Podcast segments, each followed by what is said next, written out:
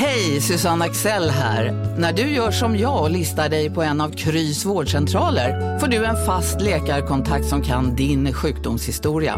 Du får träffa erfarna specialister, tillgång till lättakuten och så kan du chatta med vårdpersonalen. Så gör ditt viktigaste val idag, listar dig hos Kry. Hej, Synoptik här. Livet med glasögon ska vara bekymmersfritt. Därför får du 30% på alla glasögon när du väljer Synoptik All Inclusive. All service ingår alltid.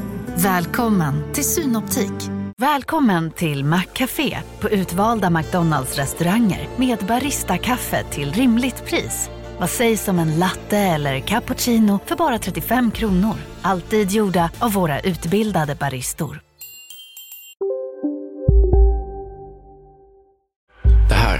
Försvunnen.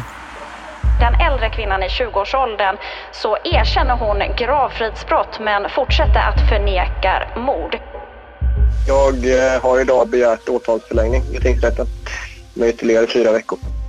Det som vi framförallt väntar på är resultatet från eh, tekniska undersökningar. I mitten av oktober förra året häktas två kvinnor i Vetlanda. Kvinnorna, då 18 och 19 år gamla, häktas misstänkta för människorov då 21-åriga Tove försvunnit efter en utekväll. Närmare tre veckor senare hittas Tove död cirka en mil sydost om Vetlanda. Under utredningen har inga andra misstänkts för att ha varit inblandade i Toves död. Samtidigt har 18 och den numera 20-åriga kvinnan nekat till samtliga brottsrubriceringar. Att hon skulle fällas för mord ska vi inte ta för givet. Va? Blir det som jag tror så kommer hon att vara ute till sommaren, den yngre av dem. Medan den andra kommer att få sitta efter rabatter ytterligare knappt två år. Då. Jag har aldrig varit med om ett sådant fall där åklagaren har uttryckt sig på så säkert sätt som Brullman har gjort. Jag skulle själv eh, nog haft hängslen på när jag uttalade det tror jag. Fram tills för två veckor sedan, då 20-åringen genom sin nya försvarare Clea Sangborn valt att erkänna någon form av misshandel, men fortsätter att neka till mord. Hur Tove till slut dör, om det är till följd av misshandeln eller om det inträffar en olycka i samband med den, är fortfarande oklart. För TV4 förklarar Clea Sangborn att en panikartad situation uppstår för 20-åringen då hon inser att Tove är död och att 20-åringen i den paniken även gör sig skyldig till gravfridsbrott. Men sen ska man också styrka uppsåtet då från eventuella gärningsmän där. Eh, Det kan ju vara en, en olyckshändelse, det vet man ju inte. Och nu, samma dag som den här podden publiceras, erkänner även 18-åringen att hon flyttat kroppen. Det här är Försvunnen. En podcast av A Rabbit Hole för Nordio. Vill du höra avsnitten innan alla andra? Ladda ner Nordio-appen.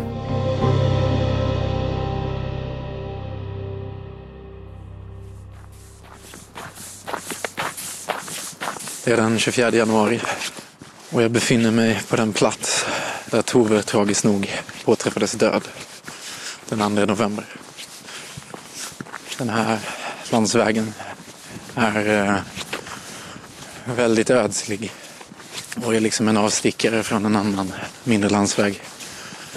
Lite längre upp på vägen här minns jag att eh, teknikerna eh, gick in under dagen efter när man genomförde sin tekniska undersökning. Det är nästan tre månader sedan Tove hittades på den här platsen.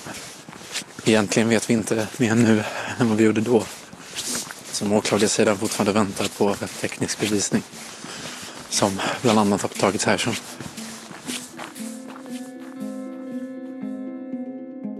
Mycket har hänt i det här fallet under den senaste månaden. Något odramatiskt så begärde åklagare Adam Rullman förlängd häktningstid både i december och i januari. Något mer dramatiskt så har den 20-åriga misstänkta hunnit med att både byta advokat och erkänna delar av händelseförloppet under kvällen då Tove försvinner.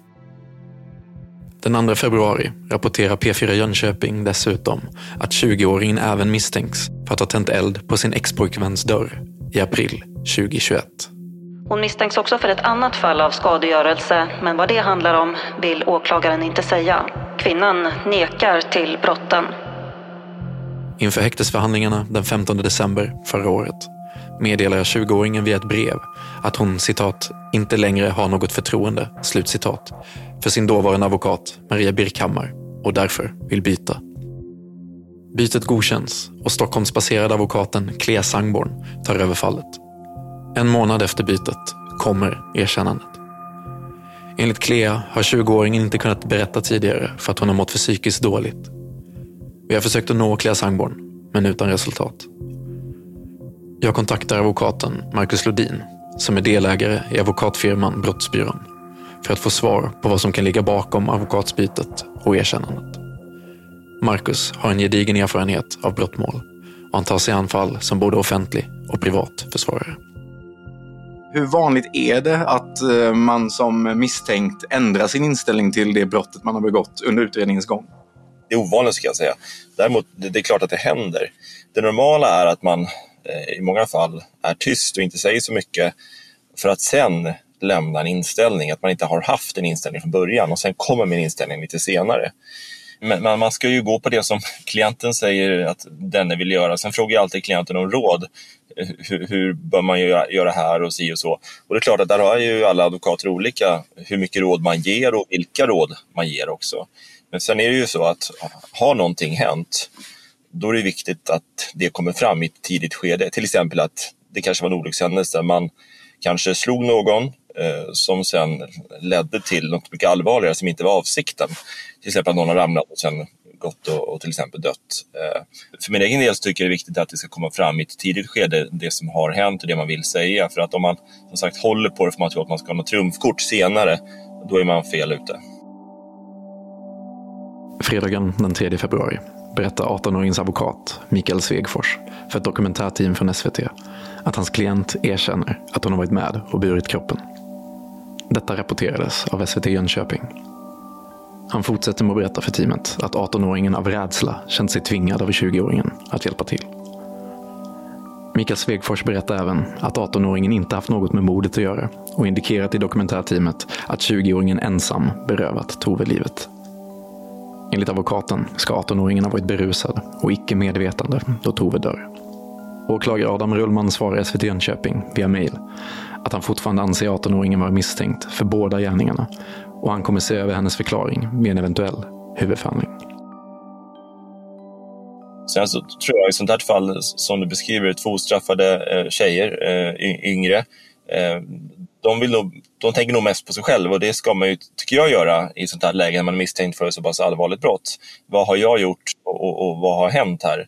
Eh, det hade jag eh, rått min klient att tänk på dig här nu. Det, du, du riskerar eh, många år bakom lås och bom här om, om inte sanningen kommer fram, som, om sanningen är ett eh, gynnande för dig.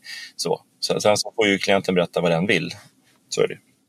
Utifrån eh, just sådana här grövre typer av brott, i det här fallet så har de varit eh, misstänkta för mord, gravfridsbrott och tidigare varit ostraffade. Är det annorlunda att eh, försvara en sån person? Jag menar, det är väl kanske inte den som brukar vara misstänkt för just den här typen av brottslighet? När det gäller åldern så är det inget unikt, utan åldern i sig är väl, det ligger numera mellan 16 och 25 i spannet. Men det som är unika är att det är två tjejer och framförallt två tjejer ihop. Om det är en tjej med så är det nästan alltid en kille med också. Och utöver det de man lägger till att de också är ostraffade såklart. Så att det här är, jag har inte varit med om det här tidigare. Som då försvaret skulle kunna påstå och tala för att äh, är det här verkligen så att det ska bedömas som ett mord? Är det troligt att de har eh, tagit livet av den här personen så med uppsåt? Eh, eller kan det ha varit en olyckshändelse som de nu verkar säga att det har varit? Eh, så det är någonting man kanske skulle lyfta som försvarare till exempel. Att använda sig av eh, det, det, det onormala här, att vilka personer det är och deras ålder och historik. Det kan alltså vara gynnsamt för en när man liksom lägger fram sin berättelse av det som har hänt? Att man då är osäker? Ja, försvaret måste hitta alla möjliga vägar för att, för att hjälpa sin klient och det här är en väg som jag skulle också såklart nyttiga utifrån att det här sticker ut. Eh, allting som sticker ut är ju intressant på olika sätt. Den 23 januari omhäktades båda misstänkta för tredje gången i väntan på att åklagare Adam Rullman ska väcka åtal. Att omhäktas flera gånger är inte ovanligt under en mordutredning eftersom det är en mer omfattande utredning. Men Adam Rullman säger till P4 Jönköping att han hoppas kunna väcka åtal mot slutet av februari eller början av mars När jag intervjuade toppadvokaten Johan Eriksson i förra avsnittet trodde han att rättegången i sin tur först blir av till sommaren. Vad är grunden för dig liksom, innan du går in i ett fall i sådär grövre brott? Grunden, eller det viktigaste, är att ha information, vara påläst och, och veta vad det handlar om för att kunna ge någon slags råd. Eh, går man in mera blankt och blind, då, då blir det väldigt svårt att säga bu eller bä om någonting.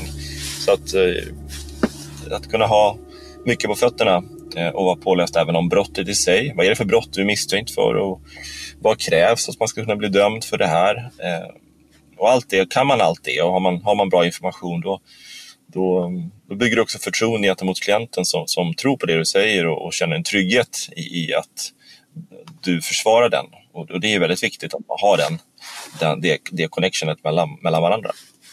Och vilken blir den största svårigheten då? Ja, svårigheten är väl oftast eh, att åklagaren då som företräder staten, som har oändliga resurser i princip, Eh, oftast har eh, mycket bevisning mot din klient och så ska man ta sig ur detta då om klienten vill att man ska ta sig ur detta. Ibland så finns det faktiskt ett erkännande där att man vill erkänna brott. Då ska man försöka ta sig ur det då tillsammans med klienten och det i sig är ju en svårighet för att eh, bevisning går inte att trolla bort den som finns. Däremot kan man ifrågasätta bevisning på olika sätt och, och så tvivel så att åtalet som från början kanske upplevdes som väldigt starkt kanske inte längre är så starkt så som det ger sken av initialt. Så att det är väl det som är den svårigheten såklart, att komma runt viss bevisning om nu den behöver komma, kommas runt. Vi har försökt att nå åklagare Adam Rullman för en kommentar. Men via mejl förmedlar han att han har fullt upp med fallet och inte har tid för en intervju. Han har varit förtegen ända sedan starten och endast gett ett fåtal intervjuer. Därför är majoriteten av hans citat tagna från hans uttalande i media. För att förstå Adam Rullmans uttalanden vänder jag mig till före detta överåklagaren och numera rättsexperten Sven-Erik Alhem. Utifrån hans långa erfarenhet på åklagarsidan vill jag höra hans tankar inför det stundande åtalet. Man kan säga på ett sätt är det ju ibland en fördel att ha flera som är frihetsberövade som häktade misstänkta för mycket allvarlig brottslighet. Därför att då kan till exempel någon som inte är särskilt förhärdad som brottsling falla till föga och när man har suttit ett antal veckor eller kanske till och med månader och berätta exakt hur det ligger till. Och det är gynnsamt, då kan man höra varandra, de misstänkta mot varandra. Det kan ju också vara en försvårande omständighet därför att om du har flera inblandade så öppnar det ju möjligheten att antingen direkt eller indirekt skylla ifrån sig på någon annan. Och det kan ju försvåra utredningen så mycket att man som åklagare kanske har stark bevisning men ändå inte tillräckligt stark för att ens väcka åtal. Allra värsta är att man inte kan väcka åtal mot någon alls. Vad som också är viktigt att framhålla det är ju den gamla vanliga tesen som inte alla människor känner till. Att den som är misstänkt för brott har ju utomordentligt gynnsamma omständigheter som kan användas. Man har ingen som helst aktivitetsplikt. Man kan vara hur passiv som helst. Det är på åklagaraxlarna som den fulla bevisbördan vilar helt och fullt. Man kan tiga, ljuga, så länge man inte på, pådyvlar någon annan. Alltså, det finns ju vissa begränsningar, men i princip kan man ljuga. Man ska absolut inte behöva underlätta för åklagarsidan på något sätt, inte Nej. det minsta. Just det här att man nekar till en början och sen börjar erkänna. Det har ingen betydelse för ert åtal i så fall. Man kan inte använda det i rätten att du sa ju ingenting i början men nu pratar du, eller? Man är absolut skyldigt att ta upp den frågan som åklagare. Det vore ju idiotiskt om en åklagare inte fäste avgörande vikt vid en sån fråga. Det kommer ju försvararen på andra håll att göra mm. om man nu är flera inblandade i, i utredningen. Men det är jätteviktigt. Alltså, min uppfattning är att det är av utomordentlig vikt att åklagaren via utredningspersonalen eh, intresserar sig för frågan vad är grunden till att du har sagt så här från början? Och vad är grunden till att du nu ändrar uppfattning i din berättelse? Den 18 januari uttrycker kriminologen Leif GW Persson en oro i TV4s Nyhetsmorgon angående att den fullständiga rättsmedicinska rapporten fortfarande inte är klar. Vad åklagaren ska visa är dels att hon har blivit mördad, alltså dödad genom annans handaverkan. Mm. Och sen ska han kunna koppla det till de här båda inblandade. Då. Han fortsätter med att säga att det kan betyda att man har problem med att fastställa dödsorsak. Åklagare Adam Rullman förklarade i Vetlanda-Posten att han inte delar Leif GW Perssons oro och väntar sina resultat inom en snar framtid. Jag tycker det är jättespännande därför att jag har aldrig varit med om att ha hört en åklagare i ett fall där det har funnits två gärningspersoner som så länge har nekat i sten till att ha haft delaktighet i brottet och där en av dem sen fallit i föga. Jag har aldrig varit med om ett sådant fall där åklagaren har uttryckt sig på så säkert sätt som Rullman har gjort. Jag skulle själv eh, nog haft hängslen på när jag uttalade det tror jag. Och eh, man kan väl möjligen också lägga till om jag, om jag ska göra min Eh, analys mm. utifrån av de båda sakkunniga, om jag säger så. Ja. Dave GW på ena sidan och Rullman å andra sidan. Och då kan man ju konstatera från min sida att den som kan förutsättas ha bäst tillgång till fakta är ju Rullman. Och den som har sannolikt god, eh, god tillgång till vissa fakta är Leif GW. Och eh, hans analyser i väldigt många fall har jag absolut stor respekt för. Men i det här fallet får man väl ändå hålla lite, lite före att Rullman har bättre tillgång till underlag än mm. vad Leif GW har. Alltså det finns alltid faror med att man som åklagare kan tycka till att det verkar vara eh, autostradan fram till en fällande dom. Och det är det ju oftast inte, utan det kommer alltid gupp på vägen eller till och med ändrade uppgifter under huvudförhandlingen som faktiskt eh, också kräver ett, eh, en grund. Mm. Långt förhör då också, kanske tilläggsundersökning och så via förundersökningskompletteringar. Men vad jag menar är att Osurt är alltid bäst. Har du en enda gärningsperson, stark teknisk bevisning mot den personen, muntlig bevisning som talar i precis samma riktning, då är ju och du inte har någonting som på något sätt tyder på att det kan finnas skäl för en alternativ, en alternativ gärningsperson mm. som spökar någonstans i, i bakgrunden. Det, sånt finns ju också. Mm. Då kan man väl med tämligen säker grund säga att mycket talar för att domstolen kommer att gilla den bedömning jag gör om att kunna väcka åtal för mord. Under hela utredningen har polis och åklagare jobbat efter inställningen att ingen annan än de två misstänkta tjejerna varit delaktiga i vad som har hänt Tove. Det är med samma inställning som åklagaren Adam Rullman nu inväntar sin tekniska bevisning innan han ska väcka åtal. Tror du att det kan handla om att man väntar just på den här rapporten eller kan man sammanställa annat? Vad är det liksom som gör att man drar ut på det? För nu då om en har börjat erkänna, kanske allmänheten känner att ja men då kan man väl bara gå på åtal. Vad är det man nu åklagarsidan man väntar på i så fall? Som... Det, det verkar klokt av Rullman tycker jag att inte eh, jäkta iväg på något sätt. Utan mm. för, för det första måste man ju absolut veta vad är dödsorsaken? Eller rättare sagt, man måste absolut veta hur den sakkunnige bedömer den frågan. Mm. Vad kan man få ut av det? För det har ju stor betydelse hur det än blir, hur pass säkert resultatet än blir. Så talar det ju alltid i någon riktning i varje fall. Mm. Och är det sen ytterligare omständigheter som behöver utredas? Det kan ju till exempel vara så, om jag hade varit ansvarig för utredningen så har jag varit otroligt noga med att utreda allt vad som gäller den ändrade inställningen, grunden till den. Mm. De uppgifterna som kommer fram i långa, långa förhör, det är inte bara att göra så här och så har vi fått den grunden klar. Mm. Utan de uppgifterna kan ju i sin tur föranleda behov av ytterligare förhör med andra som kan antingen kullkasta eller fastställa att det har fog för sig. Mm. Så att det finns en rad sådana omständigheter som kan medföra behov av förlängd tid för åtalsväckande. Åklagare Adam Rullman har däremot uttalat sig i P4 Jönköping att teknisk bevisning från en bil kopplad till 20-åringen stärkt misstankarna mot båda misstänkta. Den har varit föremål för omfattande tekniska undersökningar. Vill du säga om det har stärkt misstankarna, det ni har hittat där? Det har stärkt misstankarna, ja. Samtidigt har en liknande bil synts på övervakningskameror vid en bensinmack strax utanför centrala Vetlanda. Bilen ses köra till och från i riktning mot fyndplatsen i tider som kan vara kopplade till det eventuella brottet.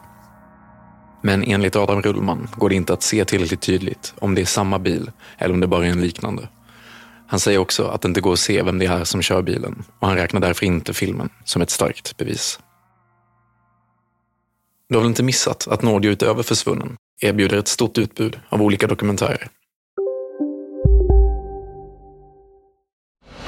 Nu på Storytel. Försvarsadvokaten Lydia Levander får chansen att lösa sitt största fall genom att försvara en misstänkt mördare. Hur långt är hon och kollegorna på advokatbyrån Pegasus beredda att gå? Fallet Mikaela. En ny deckare från succéförfattaren Anna Bågstam. Lyssna nu på Storytel.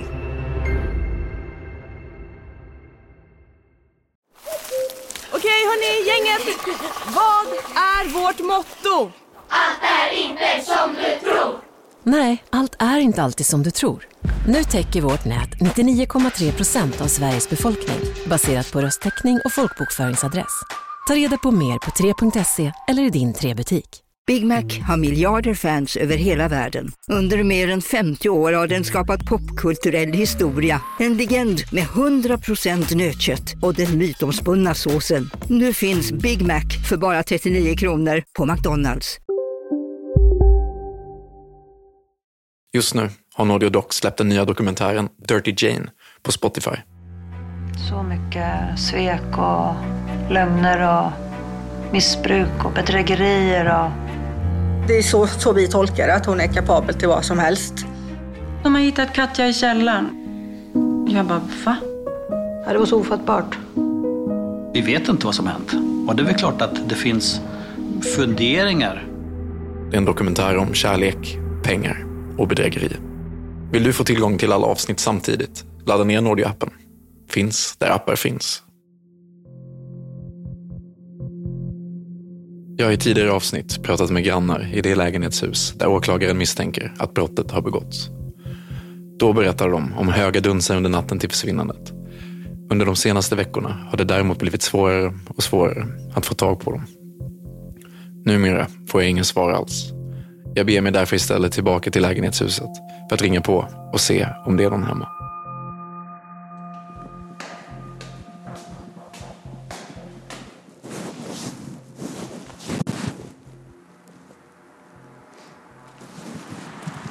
Jag har såklart tidigare vänt mig till de som redan har blivit intervjuade i lägenhetshuset. Eh, dock inte fått något svar från någon av dem. Eh, nu när jag är här så är det släckt i alla lägenheter utom en. Förutom då de lägenheter ni förstår att inte är intressanta. Eh, inget svar. Eh, I den lägenheten är det faktiskt badtomt.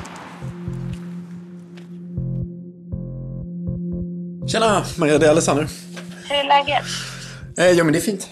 Eh, jag har precis kommit tillbaka nu efter att ha varit och knackat lite dörr hemma hos grannarna. Eh, ja. Eh, dels har jag inte fått något svar av de vi faktiskt har pratat med tidigare men sen är det ingen här som öppnar dörren heller så jag vet inte. Känns lite dött lopp typ. Kan det vara så att eh, polisen av hänsyn till utredningen har lagt munkavel på dem? Alltså det finns ju absolut en risk. Eh, det har jag inte tänkt på men det skulle det absolut kunna vara. Att man, de kanske har information som de inte vill ska komma ut innan åtal och sånt. Jag skulle, det skulle det faktiskt tro det eftersom du pratade med dem vid ett så tidigt skede förra gången innan de hade hunnit berätta om dunsar. Så att jag tänker att det kanske är samma som anledning till barchefen. Ja. Att ja, man inte där... vill läcka till media. Ja men faktiskt. Det känns lite så. Ligg lite lågt eller pausa den en stund. Ja. Och fortsätt på andra, med andra delar. Ja, absolut. Ja men jag gör det. På lokaltidningen Vetlanda-Posten har man följt fallet sedan dag ett. Kanske på grund av att man är just en lokaltidning så har man även haft en större tillgång till intervjuer med personer som kanske inte känt sig bekväma att uttala sig i riksmedia.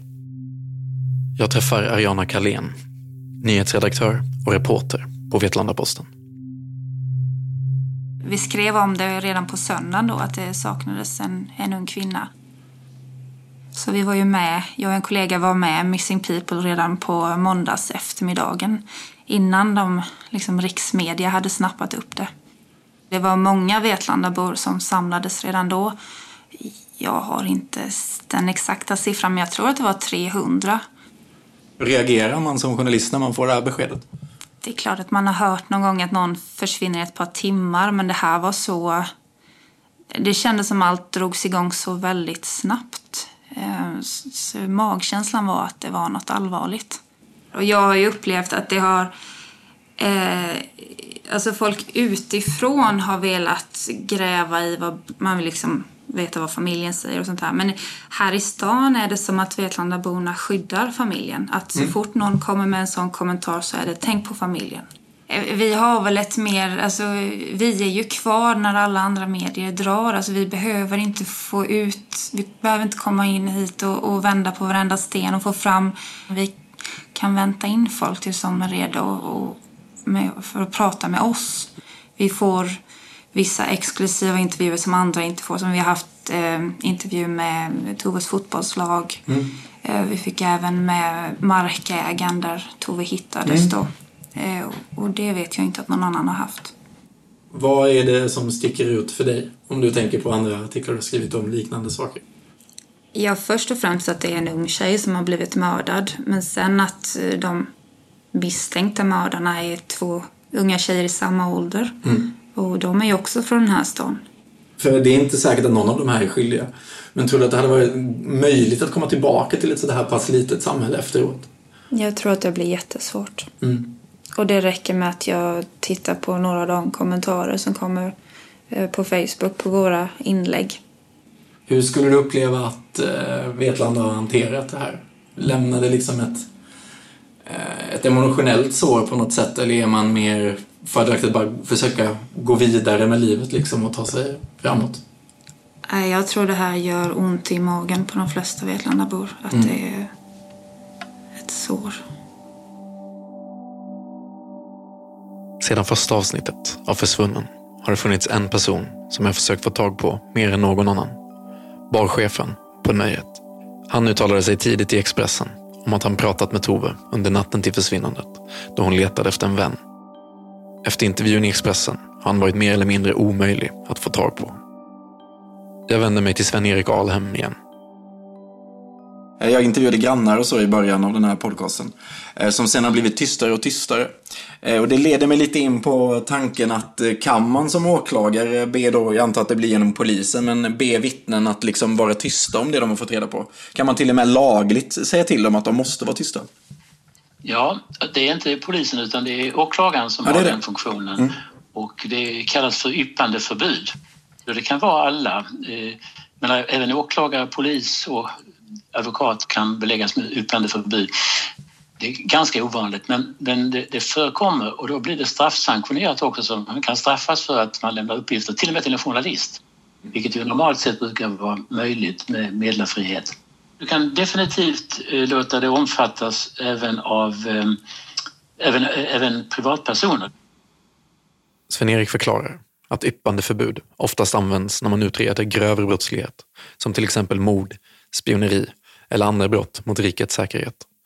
Straffet för den som bryter mot yppande förbudet är böter. Varför gör man så då? Om ett vittne som inte har yppandeförbud skulle fritt prata med journalister, vilket är fullt, fullt möjligt, då finns det ju alltid en risk för att det påverkas, vad, vad journalisten skriver eller återger, eh, påverkar andra som har uppgifter att lämna i en rättegång.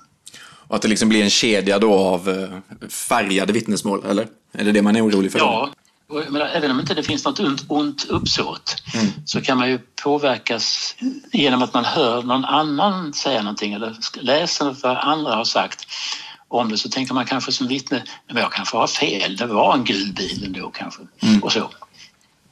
Och det är helt enkelt för att skydda utredningen då, i alla de här olika typer av brottsligheten, som man ger det här yppandeförbudet. Ja, att man inte vill ha någon otillbörlig påverkan eller risk för otillbörlig påverkan. Den 30 januari rapporterar Vetlanda-Posten att kriminalvården bedömer båda misstänkta i fallet som lämpliga för samhällstjänst. Däremot kan man bara dömas till samhällstjänst om en person döms för ett brott med max ett års fängelse i straffskalan. Kriminalvårdens yttrande baseras på hur stor risk det är att en misstänkt återfaller i brottslighet efter sitt avtjänade straff. Som det utvecklar sig i fallet nu så är det lite bilden av att eh, försvaret kommer gå lite på att det är ett eh, vållande till annans död och inte eh, ett mord. I rättslig mening, vad är skillnaden på vållande, dråp och ett mord? Ja, alltså både mord och dråp är ju uppsåtliga gärningar. Det vill säga någon medvetet tar livet av en annan människa. Om det är dråp så är det under lite mindre allvarliga omständigheter. Det låter väldigt konstigt när man pratar om att ta livet av en annan människa medvetet, men det är så. Man kan till exempel tänka sig hastigt mod när man träffar på en rival mm. i en kärleksdrama så kan det vara lite mildrande omständigheter, möjligen. Man blir provocerad till exempel. Men det är fortfarande fråga om uppsåtlig gärning och eh, däremot så är ju vållande till annans död antingen grovt brott eller normalgraden innebär att det antingen är ett inriktat brott, det vill säga man har inga misstankar om att det skulle vara mord överhuvudtaget eller dråp. För att dömas för mord eller dråp krävs alltså att åklagaren genom sin bevisning kan styrka ett uppsåt. Alltså att den misstänkte haft inställningen att faktiskt ha ihjäl sitt offer. I de fall då man döms för vållande till annans död krävs alltså att både mord och dråp kan uteslutas. Med andra ord att man inte har vetat att ens agerande skulle leda till offrets död. Så gjorde man inom kriminalvården en utredning av att eh, båda är lämpliga för samhällstjänst. Det fattar jag är någonting man gör av rutin. Men om man då till exempel skulle dömas för ett vållande, skulle man kunna få bara sitt straff i ett eh, samhällstjänst i så fall? Ja, alltså det är ju ytterst domstolen som bestämmer mm. helt och hållet. Och, eh, alltså, ja, man, man, ska liksom inte utesluta någonting. Det beror hemskt mycket på vad blir den slutliga brottsrubriceringen och den slutliga bedömningen av straffvärdet i fallet? Åklagaren kommer ju definitivt inte att gå in på ett sånt, en sån eh, påföljdsfråga i ett sånt här fall. Det, det, tror jag man kan hålla för uteslutet med tanke på den säkerhet som åklagaren har visat i frågan om bedömningen av, av fallet mm. slutligen. Mm. Men om man då tittar på skillnaden i straffskalan när man eh, skiljer mellan eh, vållande till annans död och dråp och mord. Är det jättestora skillnader? Absolut, ja. det är en jätteskillnad. För mord ska du ju ha en livstid egentligen. Jag tycker, tycker lagstiftaren länge tyckt av att en viss schism mellan Högsta domstolen och eh, lagstiftarens intentioner. Men allmänt sett så finns ju livstid i straffskalan definitivt när det gäller uppsåtligt dödande i form av mord. Och eh, väldigt många tycker att det ska vara livstid som normalstraff för det. Men det är det ju inte alltid alls. Mm. Eh, när det gäller dråp så är det då tio år högst, tror jag det är. Och när det gäller vållande eh, till död så är det betydligt lägre straffskalor. Så att det kan det bli ett, ett antal år naturligtvis, men eh, dock inte i den karaktären som det gäller för, i fråga om mord och dråp. Det är inte alls ovanligt att man hamnar i en situation i ett mordfall där man inte kan styrka annat än att ett vållande har ägt rum. Mm. Eh, så det är ofta ett andrahandsyrkande. Jag kontaktar den välrenommerade före detta kriminalteknikern Sonny Björk igen. Genom honom hoppas jag kunna få svar på vad det är som gör att den rättsmedicinska rapporten dröjer. Dessutom hoppas jag att han kan ha svar på hur pass viktig den tekniska bevisningen kan komma att bli i det här fallet. I klippet kommer ni få höra att jag felaktigt sagt att Tove hittades den 7 november. Det korrekta datumet är den 2 november. Då det var ju november det här. Va? Då lär hon ju ha obducerats inom tre, fyra dagar efter den 7 november i alla fall. Obduktionsprotokollet borde vara klart efter tre, fyra veckor. Det brukar komma ett preliminärt obduktionsresultat först där man då preliminärt redogör för vad man har gjort för iakttagelser och så vidare efter obduktionen och sen så kommer det riktiga då och det blir ju naturligtvis en en obduktion med tvåläkarförfarande som de säger idag. Där kommer ju då den slutgiltiga bedömningen utav själva obduktionen. Men det är om det är något speciellt i sammanhanget som gör att det, har, att det drar ut på tiden, att man, man vill ha, kalla det för sakkunnigutlåtande på något område. För annars tycker jag att det, det har tagit lång tid, eller också är bara det att de har lagt sekretess på det.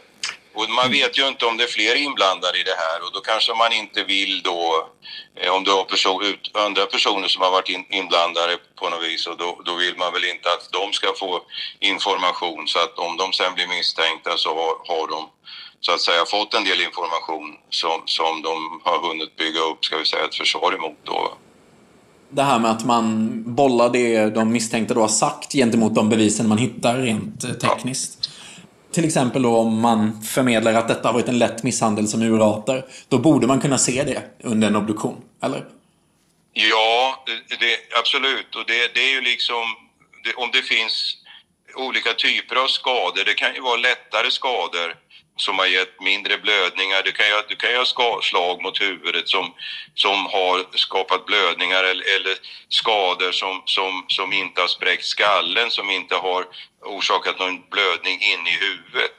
Men där du kan ha fallit till exempel, om du får en smäll i ansiktet, ramlar baklänges eller du blir knuffad och ramlar baklänges och slår huvudet i, i ett hårt golv. Mm. Det, det är ju tillräckligt för att du ska få sönderslitning utav blodkärl som gör att, att du, du får en hjärnblödning som, som sen gör att, att du avlider eller att hjärnan svullnar och trycker på de här basala ganglierna och så vidare som gör mm. att, att du avlider av den orsaken.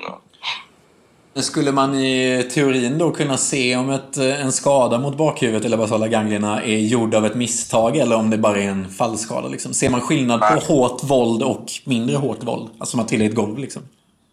Nej, det är ju svårt när det gäller en fallskada. Mm. Det, det, man tittar på är om det är ett slag eller ett spark i huvudet mm. eller om det är en fallskada. Om du har en fallskada så får du ofta motpolsblödning. Om du slår bakhuvudet i kraftigt så får du ofta de här sönderslitningsblödningarna på framsidan i pannan. Du kan få som stora blåmärken runt ögonen och så vidare. Mm. Och slår man pannan i så kan man ju få de här motpolsskadorna i bakhuvudet då, i form av blödningar och skador. Men även naturligtvis i islagsplatsen också. Så i, i det här fallet så gäller det ju också naturligtvis för åklagaren att försöka styrka ett uppsåt. Mm. Att, att det fanns uppsåtet att ta livet av henne eller var det en följd av vårdslöshet och ovarsamhet? Mm. Så det är ju en del att man kan styrka dödsorsaken och, och vad, det, vad det beror på. Men sen ska man också styrka uppsåtet då från eventuella gärningsmän där. Mm. Eh, det kan ju vara en, en olyckshändelse, det vet man ju inte, som, som eh, har börjat relativt ofarligt men, men sen har, har de har hamnat i en situation där, där det gick eh, helt fel. Va? Enligt Sonny så kan inte kriminaltekniken särskilja hur pass allvarligt våldet varit vid en fallskada. Det man istället letar efter är om skadan eller skadorna inte kan ha uppstått utan någon yttre påverkan. Att fastställa dödsorsaken är absolut viktigt, menar Sonny.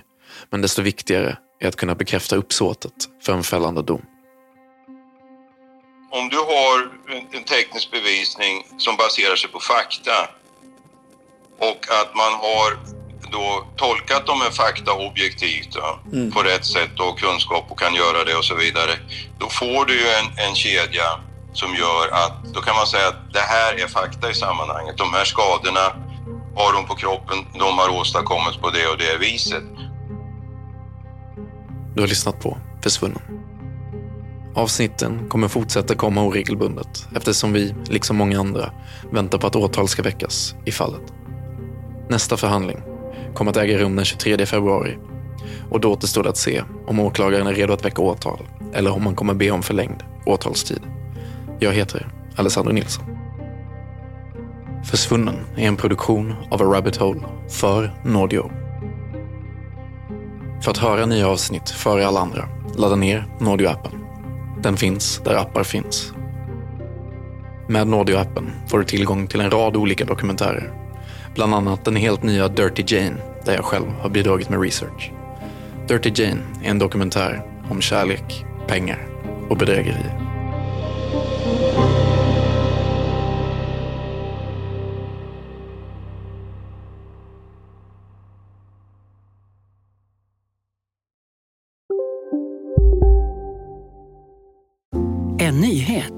Nu kan du teckna livförsäkring hos Trygg-Hansa.